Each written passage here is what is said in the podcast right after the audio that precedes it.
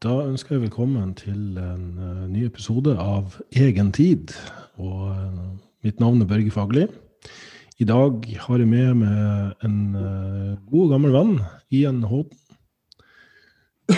og så har jeg litt, litt, dårlig stemme i dag, så jeg får bare håpe at den holder. Men det er heldigvis du som skal snakke mest, går ut ifra.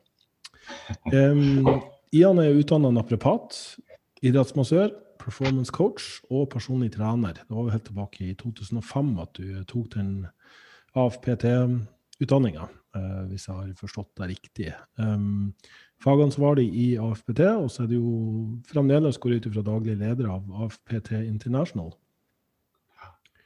Eh, grunnlegger og daglig leder av SHP, altså Scandinavian Health and Performance i Dubai, fra 2011 til 2018. Så nå er dere jo ferdig der nede. Dere flytta vel derifra for snart et par år siden, blir det? Ett år bare. Ja, det er ett år siden, ja. ja riktig. Tida går ikke så fort. Og så var jeg veldig imponert over det, for det er jo faktisk ikke noe jeg har fått med meg, men du har jo vært medical team consultant for Chelsea i 2007 og 2009 og konsultert for New York Knicks, Princeton University, Leeds United og trent utøvere både fra NHL, ATP-tårn, altså golf, Europatårn, PGA-tårn og CrossFit Games-atleter. CrossFit visste jeg jo godt om, da, men de andre her det var ukjent for meg, så det var mad kudos for, eh, for akkurat den. Ja, takk. Så eh, velkommen skal du være. og Jeg vet ikke hva vi kan starte med. Jeg har jo hatt uh, din kone Inger på Andre boller-podkasten for More Revolution tidligere og snakka litt om Da var jo hun eh, lurer på måte to, en eller to uker igjen av termin, og nå er jo uh, tvillingene deres kommet til verden. Så uh, hvordan har det nye pappalivet vært med Dere hadde én fra før, og nå plutselig fikk dere tre? Ja, eh, jeg skulle hilse da fra Inger så mye og si at hun har hatt en stor kroppslig forandring siden eh, sist dere snakket. Eh, og, og, begge to har, eh, har, det veldig bra. Vi har vel funnet ut av at man klarer seg stort sett eh, fint, og man tilvenner seg nye situasjoner. Um, så jeg har vel konkludert med at man trenger ikke ta noen sorger på forskudd. Um, livet går litt som det går. Man prioriterer jo bare litt annerledes. Og eh, disponering av tid må jo bare må tilpasse seg uh, en mer fleksibel um, hverdag. fordi at du vet aldri hvor lang tid ting tar. Mm. Så jeg tror kanskje det viktigste for oss har vært å prøve å rydde av en del ting fra skjemaet som ikke er så låste til faste tider og forpliktelser. Og Heldigvis så har vi jo hatt en del jobbrelaterte ting som var fleksibelt i forhold til nettbasert eh, coaching og programmering osv. Så, videre. så for oss så har vi nok vært heldige som kunne tredd inn i en sånn type fleksibel hverdag eh, eh, med, med tvillinger da, på en ganske naturlig måte. Men jeg kjenner jo produktiviteten det er gjerne ikke like bra på, på jobbfronten. Men samtidig har jeg jo fått mye mer innblanding i de første månedene og stadiet til barna i forhold til jeg hadde med Kaja. da. Mm. For eh, med henne så var jeg jo veldig midt oppi den tyngste perioden i, i Dubai med jobbfronten. Så vi hadde jo foreldre på besøk eh, ganske lenge etter fødsel, så det var jeg følte det var liksom en sånn mor og barn-tid, og jeg var vel jobbet stort sett eh, Jeg hadde jo aldri noen pappaperm, så jeg hadde stort sett bare eh, vanlige arbeidsdager, som var 10-12 timer. Mens nå får jeg jo uh, mye mer tid med de, og jeg, det ofte kreves det fire hender uh, istedenfor bare to. Mm. Så sånn sett er det veldig koselig, og de er jo veldig søte, så det er vanskelig å bli lei seg eller forbanna. Ja, ikke sant. Ja, så er det jo kanskje på mange måter en fordel at du, at du er pappa fra før, at ikke førstegangsfødende får tvillinger. Det kan kanskje bli litt brutal overgang?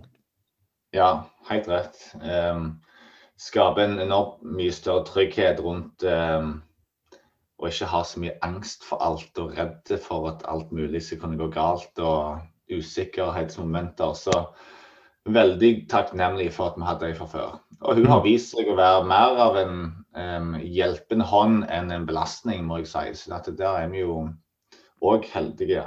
At hun ja, har fint. tatt storesøsterrollen på en god måte. Ja, ikke sant. Mm. Ja, for dere, Inger jobber vel uh, Hun har jo en del som influenser. Hun er jo fremdeles kjent som Inger in Dubai, selv om dere nå bor i Egersund. Uh, mm. så, men hvordan ser din arbeidshverdag ut? Hva, hva driver du med om dagene? Ja, jeg har jo vært litt, uh, litt rundt forbi siden vi kom hjem. Jeg hadde jo litt sånn et, uh, et ganske stort press på å sikre at Inger fikk et nabohus til svigers som hun ville.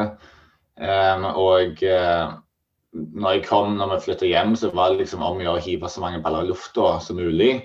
For å se at sikre meg at noen landa. Så da hadde jeg jo hadde vi både lagd treningsprogrammer, sånn 30 dagers uh, programmer som vi solgte, som vi selger via Inger. Men så tok jeg på meg et oppdrag med CrossFit Sentrum i Stavanger mm. om å være konsulent hos de. Um, og da var det liksom både på administrative siden med konseptutvikling og uh, kvalitetssikring um, og måtte begynne en liten PT-avdeling hos de og litt ansettelse og sånne ting. Og så hadde jeg litt timer og um, litt konsultasjoner med medlemmer.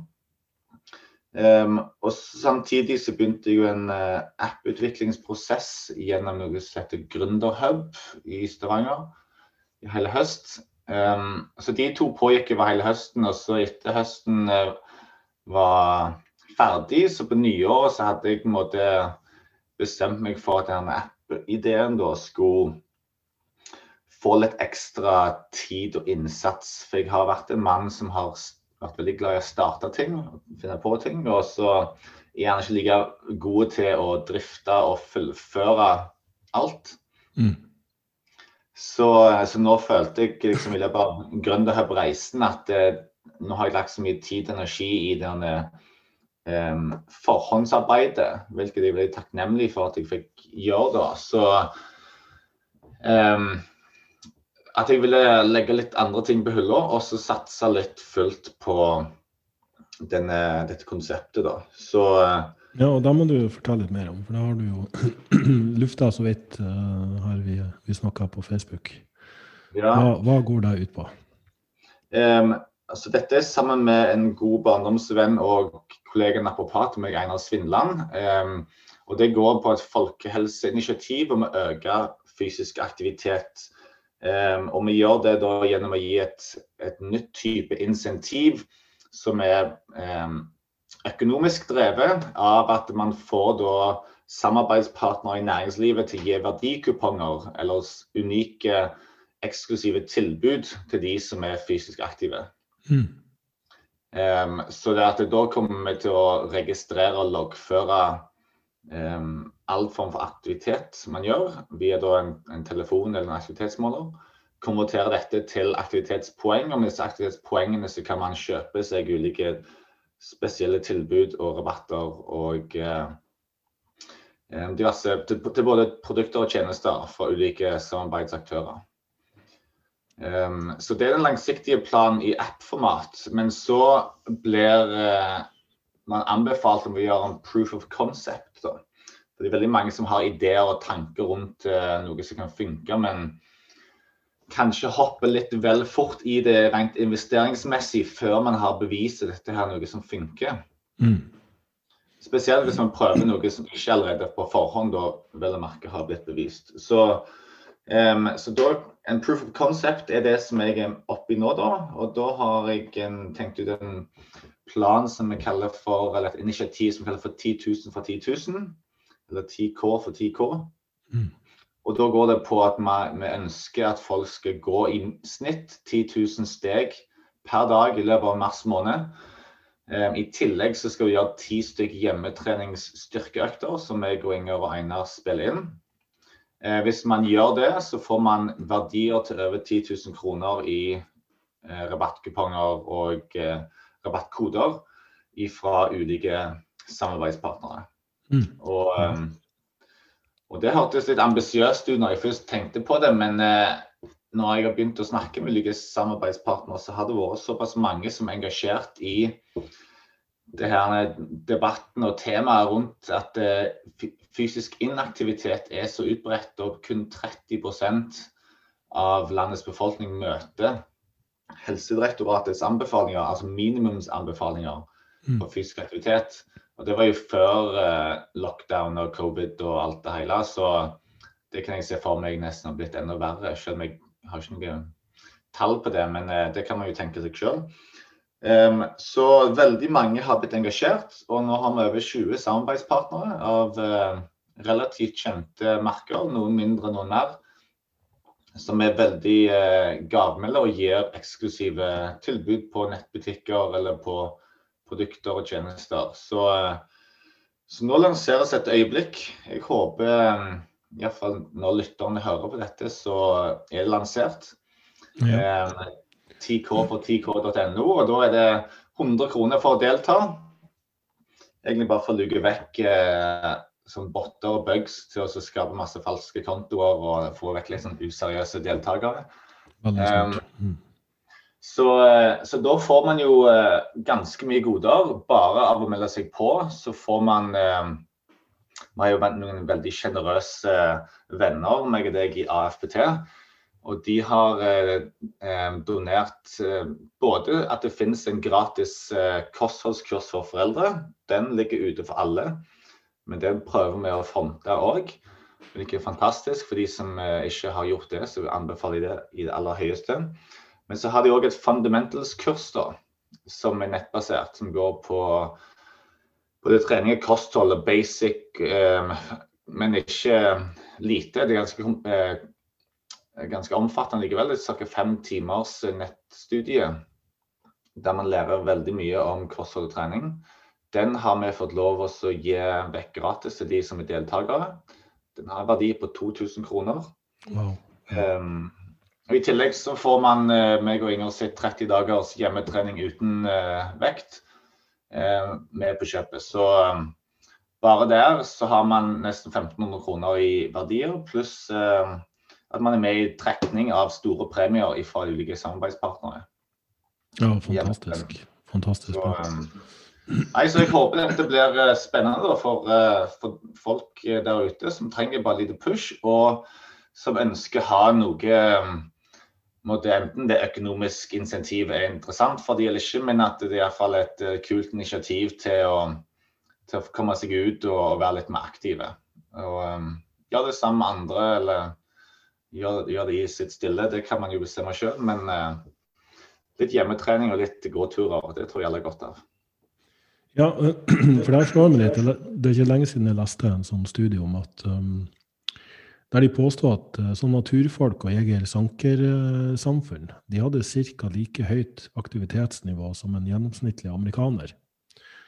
Og det syns jeg var litt, uh, litt interessant. Uh, fordi man, man, vil jo kanskje, man har jo kanskje en sånn eh, oppfatning av at vi var så veldig mye mer aktive altså gjennom vår evolusjonshistorie. Um, jeg skal ikke gå så veldig i dybden på å spekulere hvorvidt det her er riktig eller ikke, men hvis det nå er sant, så er det jo fremdeles sånn at uh, den gjennomsnittlige amerikaner er vel kanskje rundt 20 kg tyngre enn en gjennomsnittlig natur- eller urbefolkning. Um, og, og, der blir det jo gjerne sånn at med den Hvis vi ser på andre sida av regnestykket, energiinntaket, den tilgangen vi har på veldig energirik, prosessert mat, må jo på en eller annen måte kompenseres for. Så, jeg tenker man kan ikke bruke det som en sånn eh, ja, altså fordi de her sunne og friske menneskene, og vi kanskje historisk sett ikke har beveget oss så mye mer, så er det helt greit å bevege oss like, like, like lite i dag, da. Uh, så, så, jeg tror det initiativet her, og, og, egentlig alle som driver med som er influensere og inspirerer folk til å drive med hjemmetrening i stedet for å satse hjemme når treningssentrene er stengt uh, pga. en pandemi, så, så så tror jeg det her er et steg i riktig retning. Selvfølgelig ekskluderer ikke det at vi, vi, går inn for å uh, få folk til å ta bedre valg i kostholdet. Men på en eller annen måte må det jo kompenseres for. Og det, og det er en sånn debatt egentlig som, som raser blant fagmiljøene om hvorvidt trening og aktivitet kan kompensere for, for uh, dårlig kosthold. Og, og 100% kompensasjon får man jo ikke, men hvorfor ikke prøve, tenker jeg. Ja, altså jeg tror man må jo da definere kompensere i, i, uh, i, hvilken form for kompensasjon snakker vi om. Hvis vi snakker om gjerne vektkontroll, så, så er det nok uh, veldig langt man kan komme med det. det et godt eksempel på dette er jo type svømmere som, uh, som har et helt skyhøyt energiforbruk. og for å kunne dekke det, så spiser jo all junk de får tak i, ikke sant? bare for å få energifettrik mat. Så, men jeg er helt enig i at det, andre, det finnes andre aspekter enn bare energi og vektkontroll um, som er relevant i forhold til kostholdet vårt. Um, og at næringstetthet og, og, fysiologien vår er mer kompleks enn så. Men eh, jeg, jeg, tror likevel det er såpass mange av våre livsstilssykdommer som er linka til inaktivitet, og som vi vet at bedres av bare å dekke disse grunnleggende anbefalingene til WHO og Helsedirektoratet, at um, det uansett stort Det vil nesten aldri i mine øyne som kan komme på å være en negativ del å få en person som er under den anbefalingen, til å oppnå den anbefalingen. Og Det er jo det som er vårt mål. Det er ikke om å gjøre for de som allerede er godt trente og aktive til å bli mer aktive. Vi ønsker vi å få de som har veldig lav aktivitetsnivå til å komme opp på et nivå som vi vet hjelper da, på ekstremt mange eh, livsstilsfaktorer. da. Og... Ja, for det her forarger meg litt. Der det brukes mye tid på å krangle på altså, populasjonsbaserte studier på kosthold, og så skal man liksom peke ut uh, hvorvidt det er liksom, prosessert kjøtt eller egg eller hva enn som er dagens uh, 20-pakk med sigarett i, i, i kostholdsverden. Um, men så tenker jeg som så at det er også mange gode studier som ser at det er ikke nødvendigvis enkeltfaktorer i kostholdet, men det er hvor sunne vaner de personene det gjelder, har. Så, så en person som, som, går inn for å holde seg i aktivitet og bevegelse, de vil jo sannsynligvis også vil ha i ringvirkninger at de tar bedre valg i kostholdet. Det er ikke like mm. naturlig for en som trener. Det er klart noen som bruker det her som belønning. At ja, nå har jeg trent, så nå kan jeg ta en uh, dobbel Big Mac og hive på en ekstra uh, chipspose liksom, og, og, en stor cola. Um, men, men, som regel så ser vi at med en gang folk setter i gang med en, en uh, livsstilsintervensjon, så har det positive ringvirkninger på, på, på alt. Så, så sånn, et sånt um, initiativ tenker jeg også kan eh, motivere folk til å gjøre noe med kostholdet sitt og ta bedre valg der. Ja, helt enig. Um, man vil liksom få mest mulig igjen for innsatsen sin, føler jeg. Um, ofte når det gjelder trening. Og, uh, og, da blir det fort sånn at uh, OK, nå har jeg pustet og pest og slitt meg til eller gjennom en treningsøkt. Og hvordan skal det her resultere i mest mulig vaskebrett og store armer? Mm. Uh, og da har jo folk flest fått med seg det faktum at kostholdet må tas hensyn til. Um, så jeg, jeg har òg god erfaring eller opplevelse med det at uh, hvis, hvis, du føler det er vanskelig å be om både en kost- og treningsendring hos uh, noen, og begynner med kost, begynner med trening, unnskyld, um, vil ofte resultere at de naturlig av eget initiativ skal gjøre endringer i sitt kosthold. Mm. Ja, jeg er faktisk enig i at eh, jeg har en bedre erfaring med å få folk i gang med aktivitet og trening, og deretter ta kosthold, enn å begynne med kostholdet. For da er det veldig mange som tenker ja, men nå spiser jeg jo så sunt, så nå har jeg jo på en måte unnskyldning for å sitte i sofaen. Ja, og så tror jeg òg det er litt med her at hvis man begynner med et energiunderskudd, så det er jo klart at det er ikke alle som klarer å treffe på det man ønsker, men eh, ligger man eh, hvis, hvis, de legger seg for mye i et underskudd, så gir jo ikke det alltid et energi og overskudd til å ville trene. Um, så det er klart. Så det at uh, når energi um, frigjøringen økes og stimuleres gjennom trening, så får man litt mer energi til andre ting og overskudd sant? til å ta, um, ta bedre avgjørelser. Ta mer veltenkte avgjørelser, om ikke annet. Ja, min filosofi er jo den at man skal faktisk prøve å trene for overskudd, ikke trene for å bli mest mulig sliten.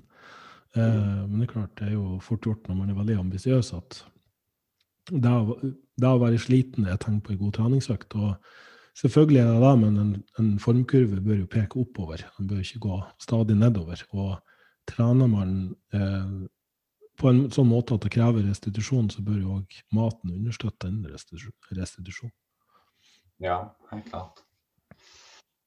Ja, nei, jeg er enig. Men hvordan er det med din egen trening om dagene, Jan? Du som nå har så mange baller i lufta, og eh, pappa til tre, og ja, forsørger alle sammen. Det har vært eh, et litt sørgelig kapittel eh, siden vi flytta hjem. Og jeg sier vi hadde jo først to uker på, i karantene på ei hytte. Der lagde vi det her 30 dager hjemmetrening med strikkprogrammet. Så det ble litt forsøk på strikk og litt uh, trening og litt løping og sånn. Men så flyttet vi hjem til svigers og bodde der i litt, sikkert syv-åtte måneder. Um, og Nei, jeg sier til Inger at jeg tror jeg hadde sånn empati med henne når hun gikk gjennom en graviditet og hun hadde vanskelig for å trene. Mm. Så hadde jeg måtte ikke lyst til å gni det i ansiktet på henne at jeg trente slutt. Men egentlig så skyldes det nok at jeg var så opptatt i hodet mitt med um, å skrape inntekt til oss. Um, for Det var bare så høyt press da. som sagt, Det er liksom en egenkapital på et hus. Det er ikke så lite. Og så hadde vi jo akkurat uh, hatt vi jo en del greier som måtte avsluttes i Dubai, og, og som òg koster penger. og um, så det var ganske mye sånn, arbeidsbelastning, da. Så uh, når jeg har så mentale belastningsperioder, så sliter jeg litt med å motivere meg sjøl i hvert fall når ikke omstendighetene ligger til rette til at jeg har en treningspartner eller noen til å være med og dra litt. Mm. Um, jeg har vært heldig som har hatt en god treningspartner i, i Dubai i iallfall seks år. Og vi var virkelig uh, gode støttespillere for hverandre for oss å dra hverandre med. Og det kjenner jeg nå har liksom i etterkant har hatt større betydning enn jeg trodde. Mm. Um, men altså, jeg har, det er ikke sånn at jeg ikke har trent. altså Det er bare at det er veldig sporadisk og uh, veldig dagsform slash dagsinteressebasert. Um, jeg syns jo at en uke uten uh, minst to styrkeøkter det blir jo det blir bare feil. Um, jeg har litt lettere for å gå glipp av kondisjonstreningen. Um, selv om jeg setter veldig stor pris på det, så veier jeg nok opp styrketreningen til å være litt mer betydningsfull for meg hvis jeg måtte velte. Um, så ja. Men det betyr ikke at jeg føler det mot generell befolkning, altså. Um, det er vanskelig å måtte velge hvis du ikke sagt du får bare gjøre én av delene. Uh, jeg, jeg, tipper hjertehelse kanskje kommer før muskelhelse, liksom, eller muskelledd. Uh, ja. Så um, ja, men uansett. Nei, så, så jeg, jeg, prøver å gjøre mest mulig bang for the buck. Så jeg uh, kjører baseøvelser. Jeg er veldig glad i vektløfting, så jeg pleier ofte å ha et eksplosivt moment Når vektløfting. Og så kjører jeg baseøvelser, og så tror jeg det har bare vært sånn at uh, mindre volum, kortere økter, har vært det som har måtte, Hvis jeg vet at OK, jeg skal ikke gå ned med store ambisjoner, jeg vil bare få gjort noe og, og løfte litt. Så det er lavere terskel for å få det gjort i forhold til å kjenne at jeg har et fem-seks dagers eh, program som må gjennomføres. Og hvis jeg ikke lykkes med det, så er jeg, eh, så jeg dårlig samvittighet, liksom. Ja, så det enkle er ofte det beste, har måtte strategien vært. Um, men når det er sagt, så har jeg kommet litt over en sånn kneik og fått litt uh, lyst tilbake når vi etter vi flytter inn i huset, så har vi fått et lite treningsrom i kjelleren.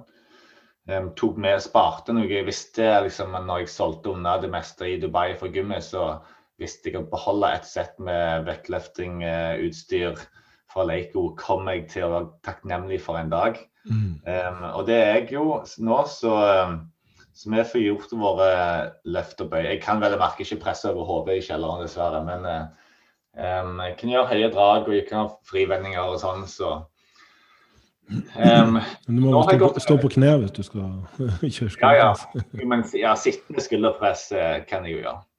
Um, men jeg har faktisk gått over til et, et split-program. Jeg tenker alltid litt på deg og, på, og Espen når, jeg, når så fort det blir sånn kroppsbyggertankegang i treningen min. Ja, ikke sant. Eh, og gamle samtaler og sånn. Men jeg, jeg, har aldri gjort en push-pull um, underkroppssplitt, der push-pull er bare overkropp. Uh, har jeg aldri gjort. Um, men nå har jeg begynt med det. fordi at hvis jeg bare går ned og så kjører noe benk og dips og skulderpress um, og jeg kjenner meg ferdig plutselig på det, så tenker jeg det for meg har jo aldri vært en fullstendig økt. Det er en sånn halv økt. Mm. Og nå kan jeg gå ned og få følelsen av at jeg skal bare gjøre en halv økt. Og så dagen etterpå så gjør jeg bare en, en halv økt med, med, drag. Så da gjør jeg kanskje tre sett pullups, tre sett chins, tre sett framoverbøyd roing, tre sett eh, roing på benk og noen facepulls. Og da er jeg måte, ferdig med drag. Og så dagen etterpå så tar jeg noen bein. Da i, i går så var det rykkdrag, og så var det rykkmarkløft, og så var det um, frontbøy, og så utfall bak. Um, og det som har vært greia, er at jeg kan måtte Så kjører jeg bare singelsett, det er jeg òg ikke vant med å gjøre. Så da kan jeg ha med dataene nede, så kan jeg kjøre som supersett med e-post og, og, sånn. Ja. Eh, så, så, da får jeg måtte jobbet og trent litt samtidig, og så får jeg meg oftere i gymmet. For det, nå har jeg jo da følelsen av at jeg, jeg, må ha en høyere frekvens på trening nå. Fordi at jeg, nå har jeg ikke kjørt samme muskelgruppe på tre-fire dager. Um, så dette er vel uke tre den, uh, med den strategien. Og jeg, jeg har syntes det har vært uh, gøy og litt spennende å prøve noe nytt. Og det har jeg jo alltid syntes har vært gøy og spennende. Bare se hvor lenge det varer, da. Ja, ja. Jeg tror det her er veldig interessant å høre eh, for folk flest der ute. Eh, at en treningsekspert kan slite med motivasjon. For det første er vi litt å prøve noe nytt. Um, og ikke minst at det er litt sånn frø av hjernevasking som jeg og Espen planta for mange år siden og begynt å få vokse og gro her. Det er veldig gøy for meg å høre.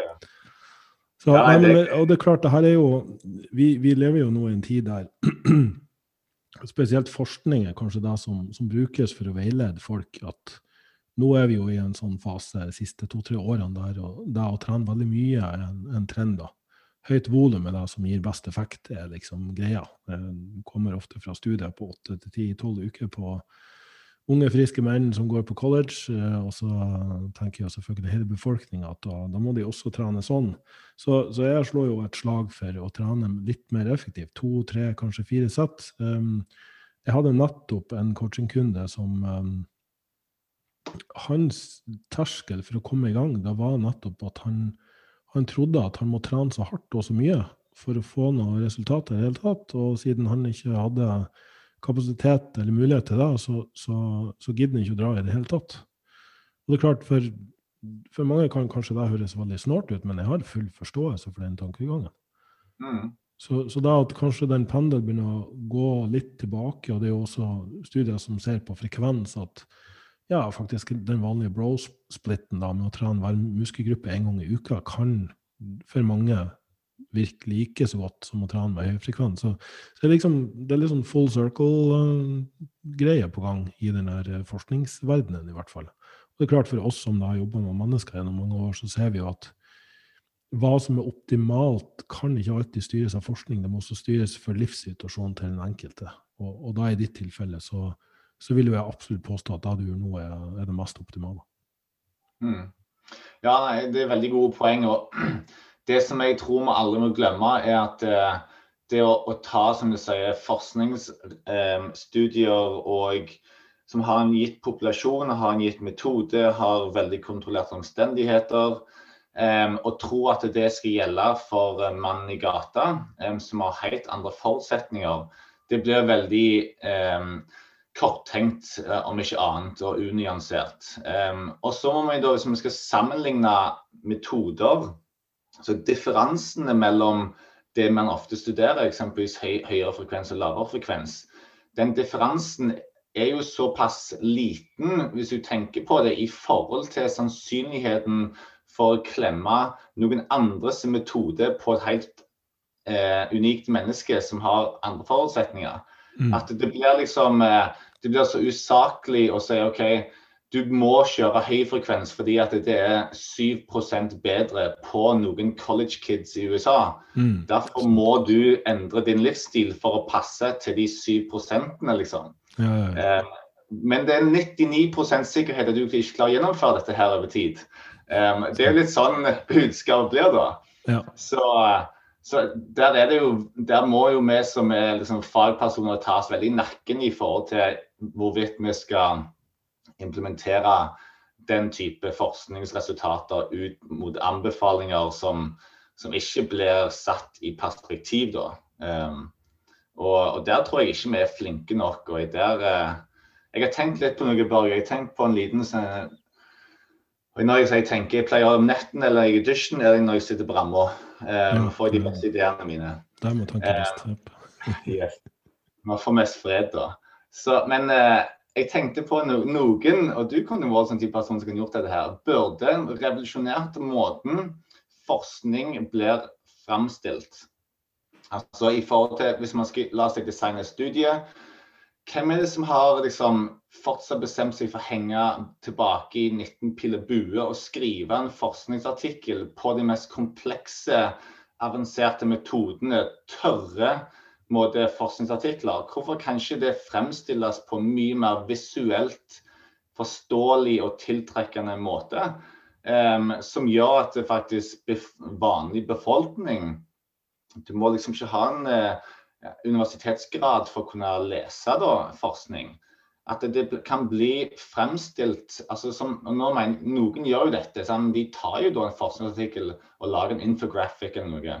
Men hvorfor blir ikke liksom uh, den initielle skrivemetoden metoden gjort på en måte som er mye mer spiselig og forståelig. For det, På den måten hadde den infoen blitt mye mer tilgjengelig, og det kunne blitt mye mer diskusjoner rundt det, gyldighet, rundt eh, det skal, hvordan det skal brukes og, benytt, og liksom implementeres osv. Så, videre. så eh, jeg føler en mann som deg kunne gjerne vært en sånn pioner på den fronten, Børge. Kan ikke du ta på deg den uh, tanken min? Ja, og det er jo interessant at du sier det, for da kan du si er jo min filosofi det er jo å prøve å skjære litt gjennom den der eh, forskningsjaget, eller den der eh, de der ninjaene som er i kommentarfeltene, og, og liksom har du en referanse på alt. Eh, for, fordi jo mer jeg leser forskning, og jo mer jeg følger med på det, og jeg har jo gått tilbake også til 50- og 60-tallet, og det er jo veldig mye god forskning den gangen også. Eh, så er det akkurat som om den nyere forskninga da skal, skal, gjøre at all tidligere forskning bare skal forkastes. Det er jo det ene. Um, og det andre er jo at nå begynner vi å få studier der hver person er sin egen forsøksperson. Dvs. Si at f.eks. ett bein eller en arm brukes fortjent på én måte, og det andre fortjent på en annen måte. Og så kan man da se at eh, f.eks. en par studier jeg kan komme på nå i farten. Da var den individuelle forskjellen mellom personer, uavhengig av treningsvariabler, var 40 ganger større enn selve treningsprotokollen. Så, så de, den som er en hard responder, de vil liksom, uavhengig om de trener med mye, mange eller få sett eller høyt eller lavt, uh, høy eller lav frekvens, de vil liksom bare ha større muskelvekst enn de som har lav respons. Mm. Det er det ene aspektet. Og, og, det er klart, de som gjør studiene, de vil jo gjerne, det vil jo være et insentiv for de å vise at det har vi demonstrert en statistisk eh, forskjell. Og Da vil de gjerne ta i bruk ulike metoder for å få fram den forskjellen best mulig. Men det er klart, når man ser på de, de reelle tallene i absolutte termer, så er det sånn at hvis de f.eks. måler med ultralyd, og de som har foretatt ultralydmåling, de vet at da må du være forsiktig hvor hardt du presser den måleren inn mot bicepsen for at den ikke skal komprimeres. Eh, så kan du si at ja, den ene treningsprotokollen den, den ga 2 mm forskjell i muskelvekst, mens den andre ga bare 1,5. Prosentvis så er jo det her ja, det er liksom 30% bedre muskelvekst i den ene, men, men det er sånn 0,5 mm forskjell over tolv uker. Det er så lite at er det egentlig verdt å trene tre til fem ganger så høyt volum for å oppnå en halv millimeter forskjell? Og kan du virkelig opprettholde den over lengre tid? Og der var det jo en studie uh, som jeg selvfølgelig ikke klarer å finne referansen på igjen. Men um, der uh, fulgte de noen gjennom et program over åtte eller tolv uker, jeg husker ikke helt. Kategorisert de i higher eller low responder, som typisk er. Og så etter to til tre måneder så gjentok de studien med samme personer. Og så forventa jeg at ok, en, en, som er high responder, han har uh, genetikk og hormoner som, som, gjør at han bare svarer bedre på trening, og vi kjenner alle en som, som er sånn. Uh, men det interessante var at det var overhodet ingen sammenheng. Det var sånn mhm. at Han som var high responder i første uh, forsøk, han kunne gjerne være low responder i neste, og, og vice versa. da.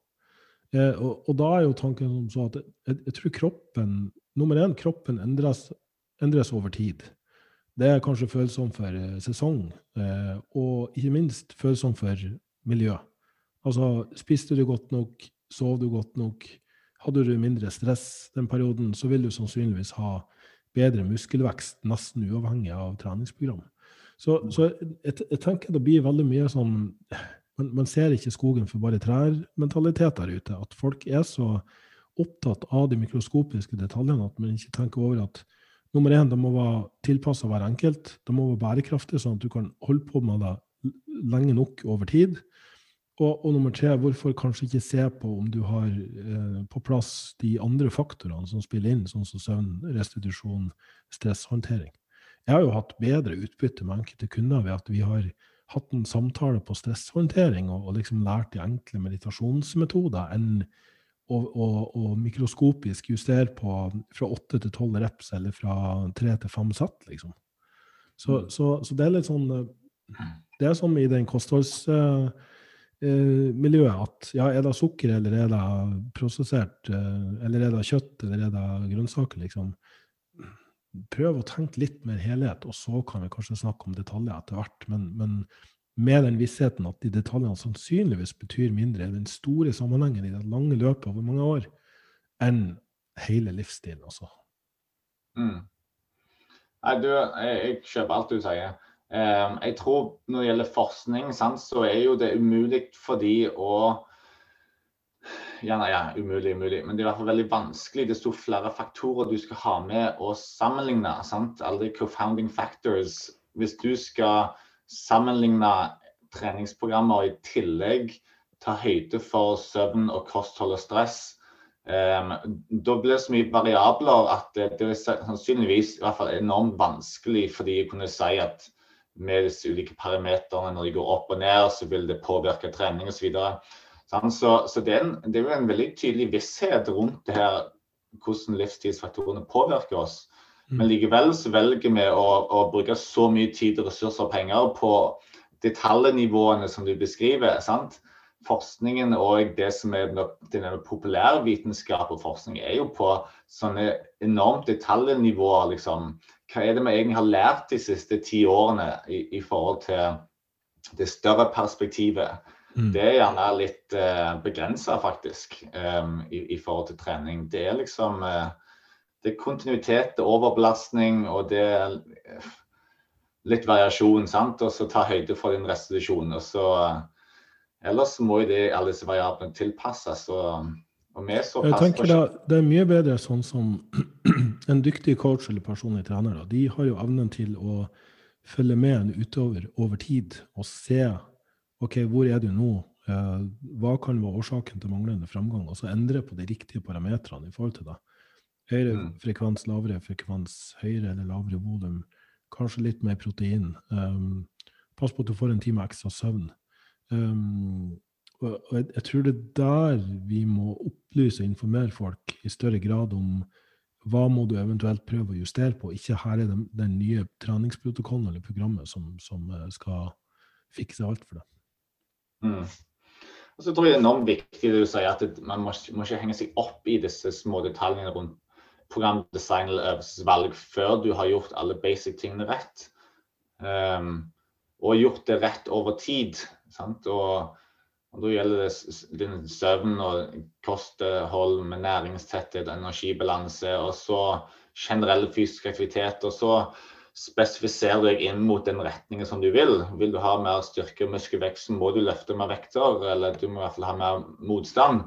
Mm. Hvis du ønsker å ha bedre kondisjon, så må du få pulsen høyere og, over tid. Men eh, så, så, gjør det innenfor et rammeverk som du sier bærekraftig, og som du har glede av. Og så hvis du virkelig ønsker å ha spisse din prestasjon mot uh, din maksimale kapasitet og evne, så må jo det være litt strengere rammeverk. Men uh, det er liksom ikke det budskapet som ofte kommer, kommer ut. sant? Det er jo extremism. Man skal jo selge the best. The mm. best program. Biggest biceps. Uh, det, det, er jo, det, er jo, det som dessverre har markedsføringskreftene har jo, som alt annet i media, liksom skal vi få ting til å bli så svart-hvitt og mm. best og dårligst og verre og verst, liksom. Ja, ja, ja. Nei, det er klart, og sånne eh, refleksjoner kommer vel gjerne når man har fått mer erfaring og kunnskap og kompetanse. så Um, og refleksjoner skapes når man uh, står i dusjen eller er på ramma, som du sier. Eller like mm. før man, skal, like før man sovner om kveldene. Uh, og Det var nok også derfor jeg kalt, kalte podkasten min for Egentid. Fordi uh, det her med å faktisk i den travle hverdagen vi har nå, og de ulike kravene vi har som, som mennesker, og skal klare å, å, holde hodet over vannet. For mange, du, både jeg og du er jo i treningsbransjen, og vi vet jo hvor, hvor eh, tøft det her har vært for under denne nedstenginga. Så, så, trenger man også den egentida innimellom. Jeg tror ikke man kan uh, komme unna da å ta seg tid til litt introspeksjon, litt refleksjon. Um, egen tid kan jo like gjerne gå på å sitte og høre på en podkast, uh, selvfølgelig. Så jeg skal jo ikke skyte meg sjøl i foten her. Um, men det er litt sånn så fort gjort, og jeg har vært i den bobla sjøl, at jeg bruker all min tid på å lese og prøve å sette meg inn i og knekke en kode og finne den nøkkelen liksom, som, som løser alt. Eh, men, men etter hvert kommer mer fram til at det det er noe mer en sånn dynamisk tilpasningsprosess, der man bare må eh, styre, styre båten sin og så, og så styre under skjærene, liksom, i stedet for å bruke så veldig mye kraft og energi på å ro hele tida. Mm. Ja. Ja, nei, egentid er et begrep jeg gjerne har ikke kjent så mye på, må jeg nå si.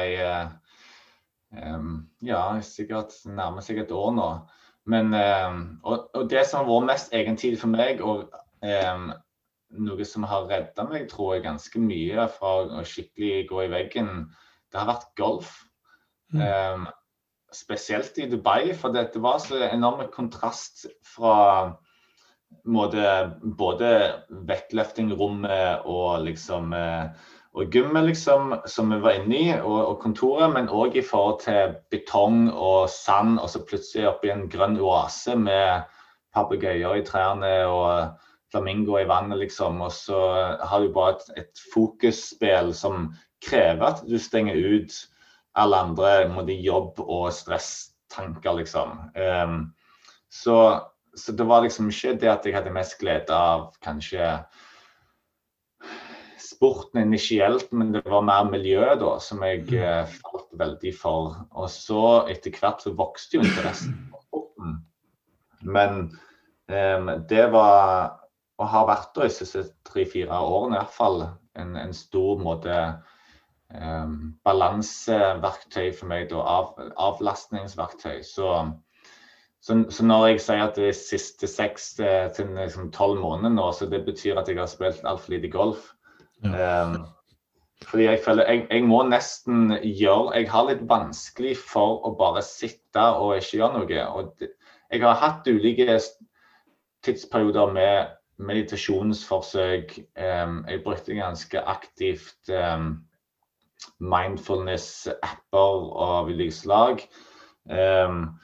Og det har jeg alltid faktisk likt. Og jeg har òg likt journalføring. Jeg har jo faktisk uh, ganske mange ulike journaler liggende mm. forbi. Jeg, jeg har sikkert uh, fem-seks stykker forbi en, en rekkevidde her. Men kjøper med god intensjon, og så likevel ender jeg opp og sitter på e-posten liksom, og, og, treningsprogrammene. Så um, det, er, det, er, vanskelig.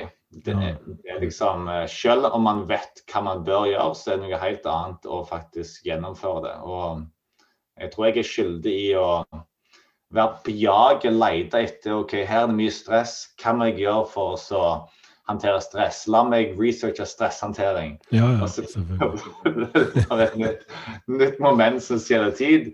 Kjøper man inn masse journaler, og så laster ned de rette appene. og så har jeg bare stabla opp eh, bøker og apper på telefonen, og så ender du opp med å bare liksom Du har bare gjort mer rot i systemet, da. Ja, ikke sant. Så, Nei, jeg kjenner veldig godt til det der. Og, og da var det navnet på podkasten kom bare til meg når at eh, man, man fyller en hel dag med, med, jobb, og så er det liksom å hente i barnehage, og så skal guttungen ha det han trenger, og så er klokka sju, og da vil jo samboeren gjerne ha litt uh, samvær og kunne sitte og se på Farmen eller noe sånt. da. Så da er det liksom plutselig ikke så mye tid til den der å ta seg litt. Ta seg 10 minutter, 15 minutter, halvtime. Det er jo ja, helt uaktuelt omtrent. Men jeg, jeg, ser hvor stor verdi det har, og at jeg tar meg sjøl sånn som du i å gå og skal finne en app eller å finne noe jeg kan bruke for å håndtere stress, når kanskje den beste måten bare hadde vært å legge fra meg telefonen og, og, bare sitte og se litt ut i lufta. Um, jeg mm. leste blant annet at, uh, og mange har sikkert hørt at Einstein, når, før han fikk eh, de store innsiktene på relativitetsteorien og, de uh, matematiske formlene sine, så spilte han fiolin. Mm -hmm. Når han spilte fiolin, så kobla han litt ut, og med en gang han kobla ut, så kom innsiktene. Og da var det sånn eureka-moment. Mm -hmm. Så uh, Ikke dermed sagt at vi skal begynne å spille fiolin, men, men det er noe med den den, den spacen, det rommet, da, og, å, skape litt den avstanden fra alle de inntrykkene hele tida. Og da kan det være så enkelt som å bare sitte og høre litt på musikk. Man trenger ikke å spille musikk, men da å høre og lytte, lytte på musikk også. Jeg syns det er en, en, morsom Jeg tror det var sikkert en meme eller et eller annet eh, på sosiale medier jeg så med noen som har satt seg på, på do på ramma, som jeg sier, eh, og har glemt å ta med seg mobiltelefonen. Så han sitter og, og leser på en sånn tomme eh, sant? Ja. han må studere og se om det er noe her som kan stjele min oppmerksomhet. Ja, ja, altså, altså, det er gått så langt at man klarer ikke engang å sitte på do. Jeg tar meg litt selv av og til at jeg går på do, så, så har jeg glemt mobilen og sier faen. Altså, jeg, nå vurderer jeg faktisk å kappe den her tidlig, og så går jeg og henter mobilen. ja, bare kappe en halv en bare for å kunne gå og hente mobilen og ta resten etterpå. Ja, og det er jo kanskje en fordel, en fordel at det, det, det, er blitt mindre skriving og, og, og sånn på dovegger, fordi folk sitter på mobilen sin i stedet. Så de, de gidder ikke sitte og skrive noe særlig på. Ja, det må ha vært nedgang i uh, Donald-salget etter uh, det her trenden har begynt. Ja, det vil jeg tro. Ja.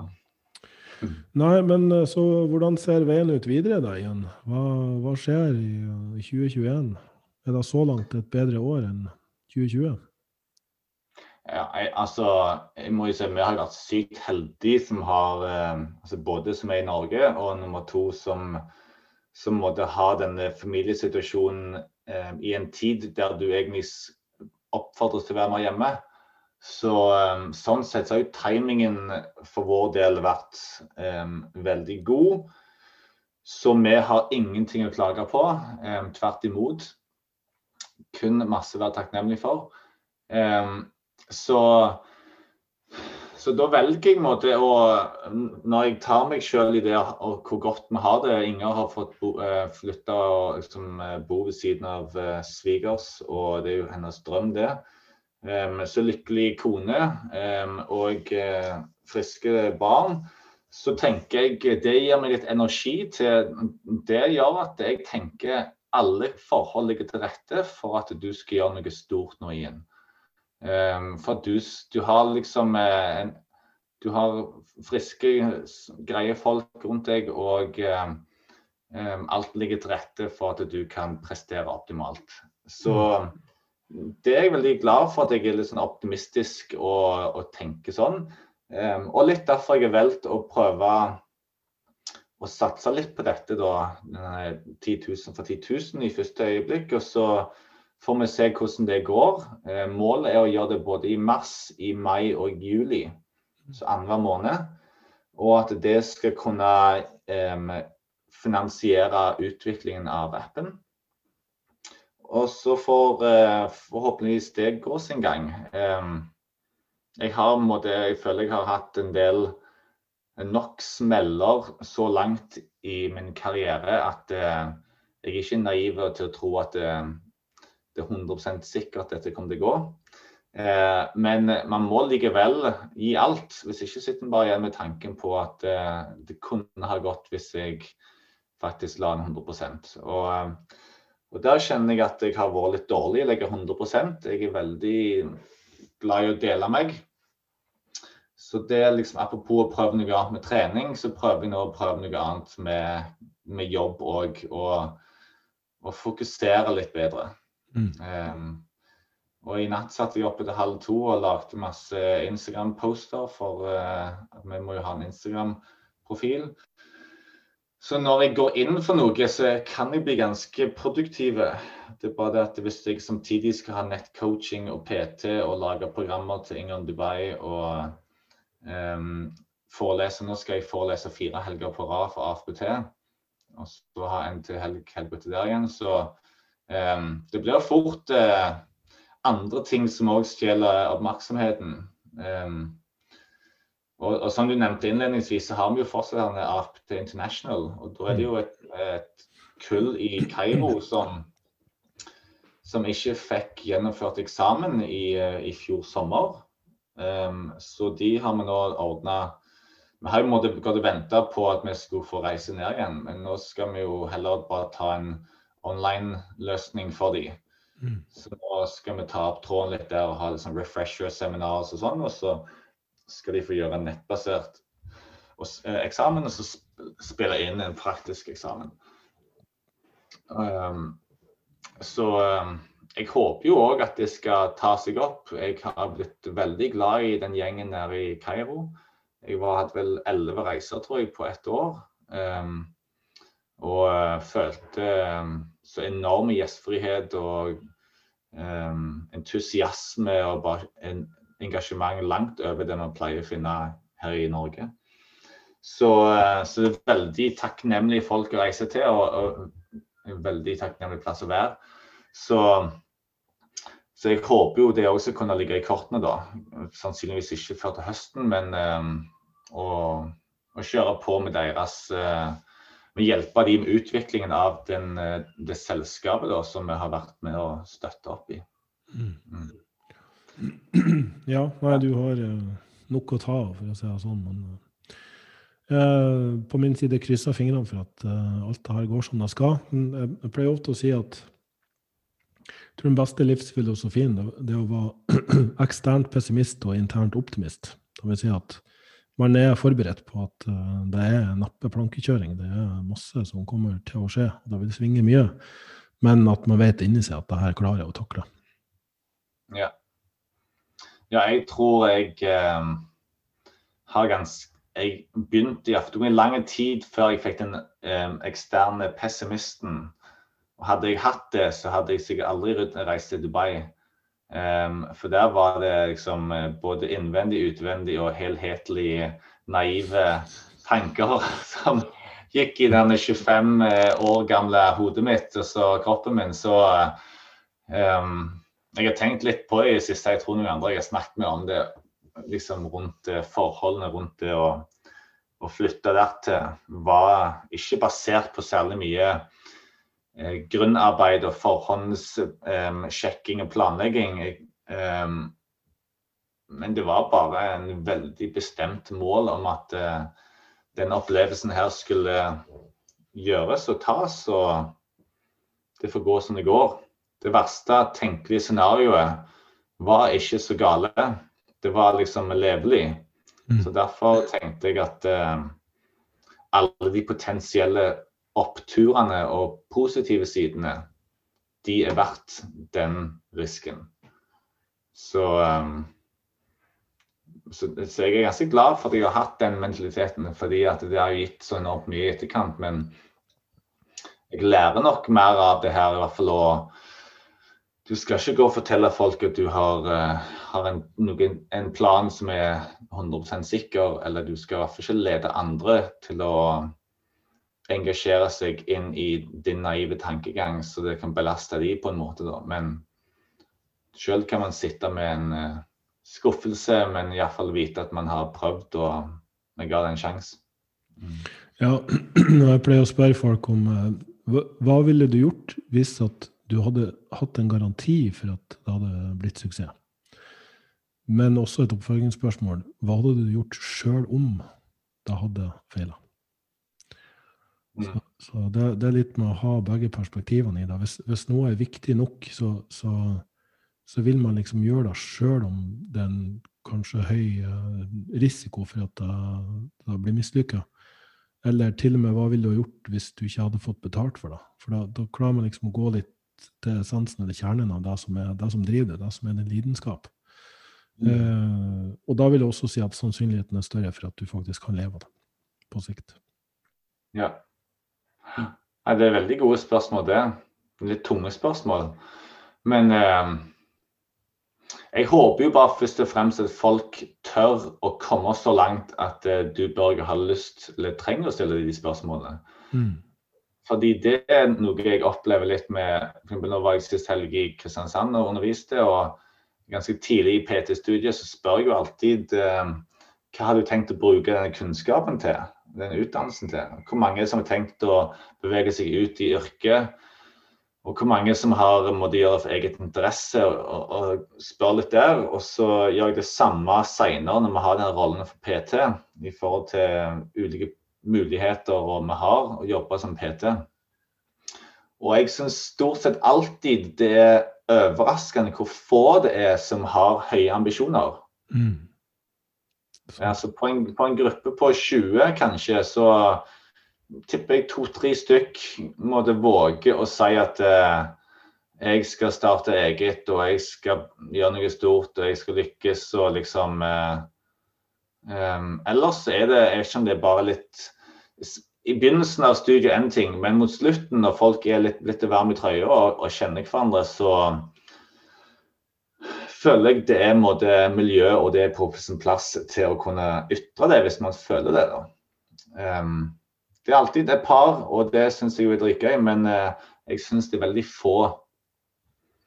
Men um, det er jo ingenting i veien med det, men jeg, jeg, jeg liker jo godt at folk eh, ikke er redde for å drømme og for å satse stort. Um, samtidig er det full forståelse for at det ikke alle som er skrudd sammen på den måten. Nei, jeg tror det er mange faktorer til det. Det er jo flere og flere som lider av, lider av den såkalte impostor syndrome. At man føler at man ikke kan nok, eller er verdt noe, eller er bra nok til å drive med det man driver med. Eh, og så er det kanskje også fort gjort å sammenligne seg med alle der ute som har skapt suksess med noe, og så tenke at å, jeg kan aldri bli så flink, så derfor er det på en måte ikke noe vits å prøve. Eh, men da er jo gjerne en, en antagelse om at markedet er veldig lite. Og da er det jo ikke. Det er jo, mm. det er jo, det er jo til alle, holdt jeg på å si. Altså, det er jo, det er jo nok å ta av.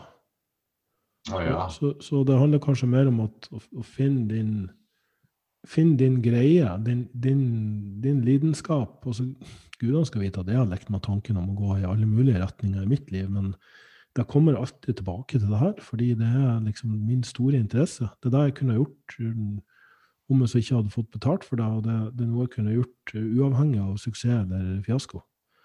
Um, det å liksom ha gode samtaler med folk og, og, og se at de, de, endrer seg, de får et bedre liv, det, det, det skjer gjerne bare i løpet av én samtale, så er, det, så er, det, som om et slør løfter seg, eller så er det som om de får innsikter og har opplevelser som, eh, som bare gjør at de styrer i helt ny retning. Um, og da er Ja.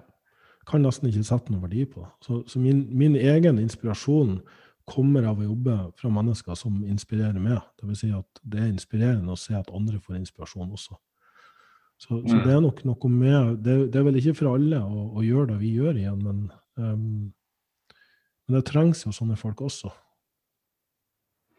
Ja, og, og jeg, tror, eh, jeg tror ikke heller det måtte den eh, en del egenskapene som trengs for å være så frampå, eh, er utbredt hos alle. Sant? Og mye kan nok læres, men en hel del ligger litt i personligheten i forhold til det å være um, risikotaker. eller å være en som er mer søkende etter trygghet, stabilitet osv. Der ser jeg jo veldig mange både av tidligere kollegaer jeg har hatt, eller uh, partner i business, så er det jo stor forskjell på folk. Noen ønsker å ha fastlønn, andre vil ha provisjon. Um, og liksom noen vil ha mer støtte i bånn, andre vil ha ingen tak over hodet. Men eh, jeg føler bare jeg har vært selv så heldig for å oppleve så mye pga. dette yrket. Hvis, som, hvis du tenker på det, egentlig har en enormt eh, liten vei inn i Iallfall hvis du tenker på personlig trenerrollen. sant? Du, du kunne reist til Dubai på en sommer og tatt en intensivutdannelse på fem uker. Og så har du plutselig foten inn forbi en, en ny industri, og, um, og, og, det er bare Muligheten er så ufattelig store. Um, både i forhold til populasjonsgruppen du har jobba med, men òg i forhold til måten du kan jobbe med dem på. For meg så er det i seg selv bare så sykt spennende og inspirerende. Mm. Um, og, og, håper på at flere ser det, da. Eh, og ser de mulighetene. Og da er det jo gjerne som du eh, sier, den imposter syndrome, at det er på godt og vondt at det ofte fremmes andre sin suksess. Um, men da må man jo ta litt ansvar for deg sjøl. Når du ser noen andres suksess, skal du bli motivert av det, eller skal du bli deprimert av det? Riktig. Veldig bra. Ja, så eh, det, liksom, det må du sjøl ta på deg, for du kan bestemme det. Du kan tenke faen heller, det her Det er ingenting som tilsier at jeg ikke òg kan gjøre noe tilsvarende. Altså, men innenfor det området som jeg vil. Og det skal jo ikke handle om antall følgere eller eh, liksom antall likes, men det skal handle om eh, muligheten til å gjøre det man ønsker. Mm. Og der har alle forutsetninger til å kunne legge inn det harde arbeidet for å oppnå det, da. Men, uh, men ikke sitt på nett og på avstand og bli forbanna over folk som har fått suksess, før du sjøl har lagt i det arbeidet som den personen sannsynligvis har gjort for å oppnå det. Nei, veldig godt poeng som jeg sa. at um, Det er jo de som bare går rundt i verden som et offer og ser på at alle andre har fått til ting, og da kan ikke jeg få noe til. Fordi de ser bedre ut, de er sterkere, de er også whatever, da unnskyldning man kommer med. Eller det er det at som, som, tar litt ansvar for, for seg sjøl, og for hvordan de tenker, og, og, for sine handlinger. Og dermed gjør noe med situasjonen, kanskje omtrent på tross av sin bakgrunn eller historie eller kunnskap. Bruk mm. det heller som en drivkraft og motivasjon til å bare stadig bli bedre, tenker jeg. Mye bedre innstilling. Helt rett. Og jeg føler desto mer La oss kalle det R du går og bærer på, eller desto mer faktorer du har med deg sjøl som du føler er styrende for deg, desto egentlig mer veiledning har du da i å finne ut av en fornuftig vei for deg. ikke sant? Så, så hvis, hvis, det er noe som du føler jeg kan ikke gjøre A av B, ja, men da må du finne noe, en C som passer. Liksom, da vet du, da har du eliminert plutselig B. Da har du eliminert ulike faktorer som du vet ok, jeg, jeg liker ikke å, filme meg selv, jeg liker ikke ansikt foran kamera. Ja, men kanskje du skal lage tidenes råeste podkast. Mm. Eller hvis du, tvert imot, hvis du føler du har en, eh, en dårlig stemme og du har dårlig ansikt, da skal du bli tidens beste til å lage infographics, liksom. Ja. Jeg burde kanskje lage infographics, da. Sitte her og så vidt har stemme, liksom. og Morgentrynet. Ja, nei, det, det, jeg mener. det var litt dårlige eksempler. Men nei, jeg, eh, jeg, skjønner hva du mener. Jeg det. Mm. Desto mer det er som du føler hemmer deg, desto mer er det som styrer deg sant? til å ta et godt valg. I, i, I, et uh, hav av muligheter. ikke sant? Bor du i en liten bygd der det ikke er folk som selger PTT, så må du tenke litt annerledes i forhold til nytteverdien du gir de få menneskene. Sant? Og dine tjenester skal kanskje være mer inkluderende, mer omfattende enn for deg som bor midt i Oslo, kan liksom tilby veldig snevert spesialistprodukt. Mm.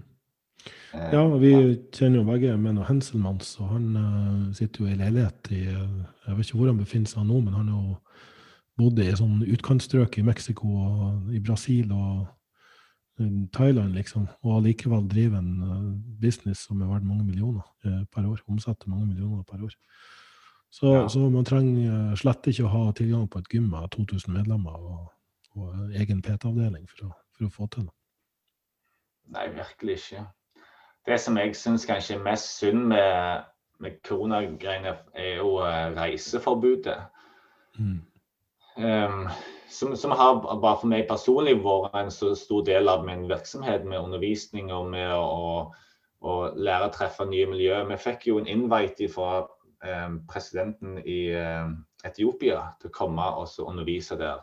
En av studentene våre i Kairo, han var um, fra Etiopia, og han var òg PT-en, eller er PT-en til presidenten. Og uh, de ble jo skikkelig gira. Byg, bygde til og med et nytt gym uh, hos han, eh, PT-en, for å kunne hoste oss og ha utdannelse. og Sånn type ting så det er jo for meg bare superspennende å få lov å måtte komme seg inn i nye plasser og oppleve nye kulturer og folk og sånn. Um, og det er jo så langt som det er, liksom, hvis du tenker en PT-utdannelse kan føre altså Jeg tok jo, som du sa, i 2005, det er ferdig i 2006. Med 2009 så begynte jeg å undervise for AFPT, så tre år seinere bare.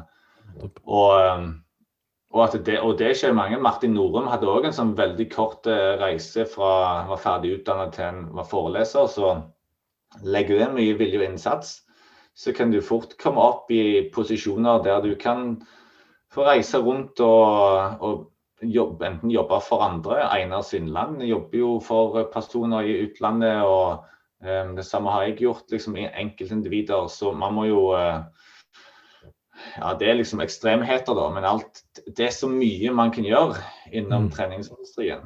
Um, og det er ingenting som begrenser deg, bortsett fra din egen vilje og fantasi. Helt enig. Nei, men uh, da tenker jeg det, det var en fin, uh, en fin filosofi å avslutte med igjen. Så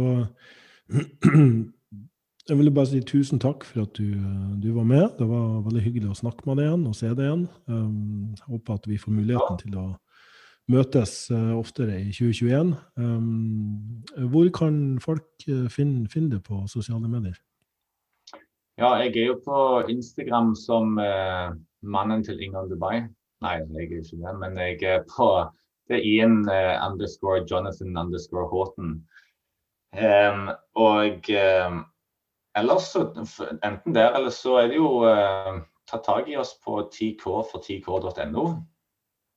Og eh, jeg setter veldig stor pris på feedback angående eh, produktet slash in, initiativet.